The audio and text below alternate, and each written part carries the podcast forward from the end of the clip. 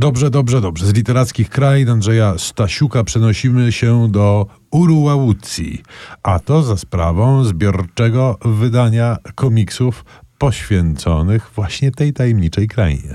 No właśnie, bo to wszystko bardzo ładnie pasuje, ponieważ Urłałcy ewidentnie leży gdzieś w Europie Środkowej. Y, Oszołamiające bajki urłałckie Krzysztofa Owedyka, który znany jest bardziej w środowisku komiksowym jako Prosiak po prostu, taki jest jego pseudonim artystyczny.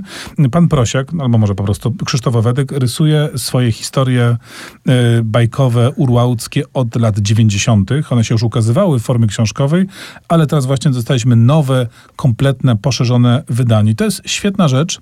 To są komiksy, które dzieją się właśnie w tej fikcyjnej, wymyślonej Urłałcji, która no, taka trochę jest rosyjska i wschodnia, ale też trochę taka polska ewidentnie. Zwłaszcza jak się patrzy na niektóre z map, to to tak do złudzenia przypomina naszą ojczyznę. Takim podstawowym schematem fabularnym są na y, prześmiewczy sposób przetworzone bajki.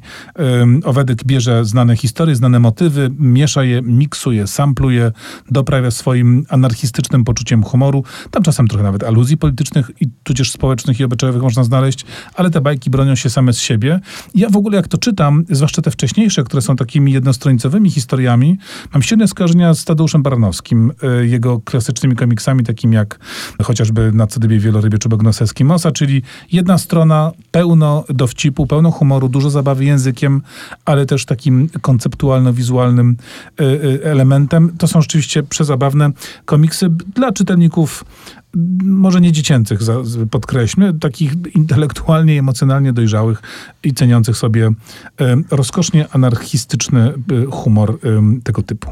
No mi nie pozostaje nic innego, jak tylko podpisać się pod tym, co powiedziałeś i zaprosić wszystkich na wyprawę do Urułaucji właśnie.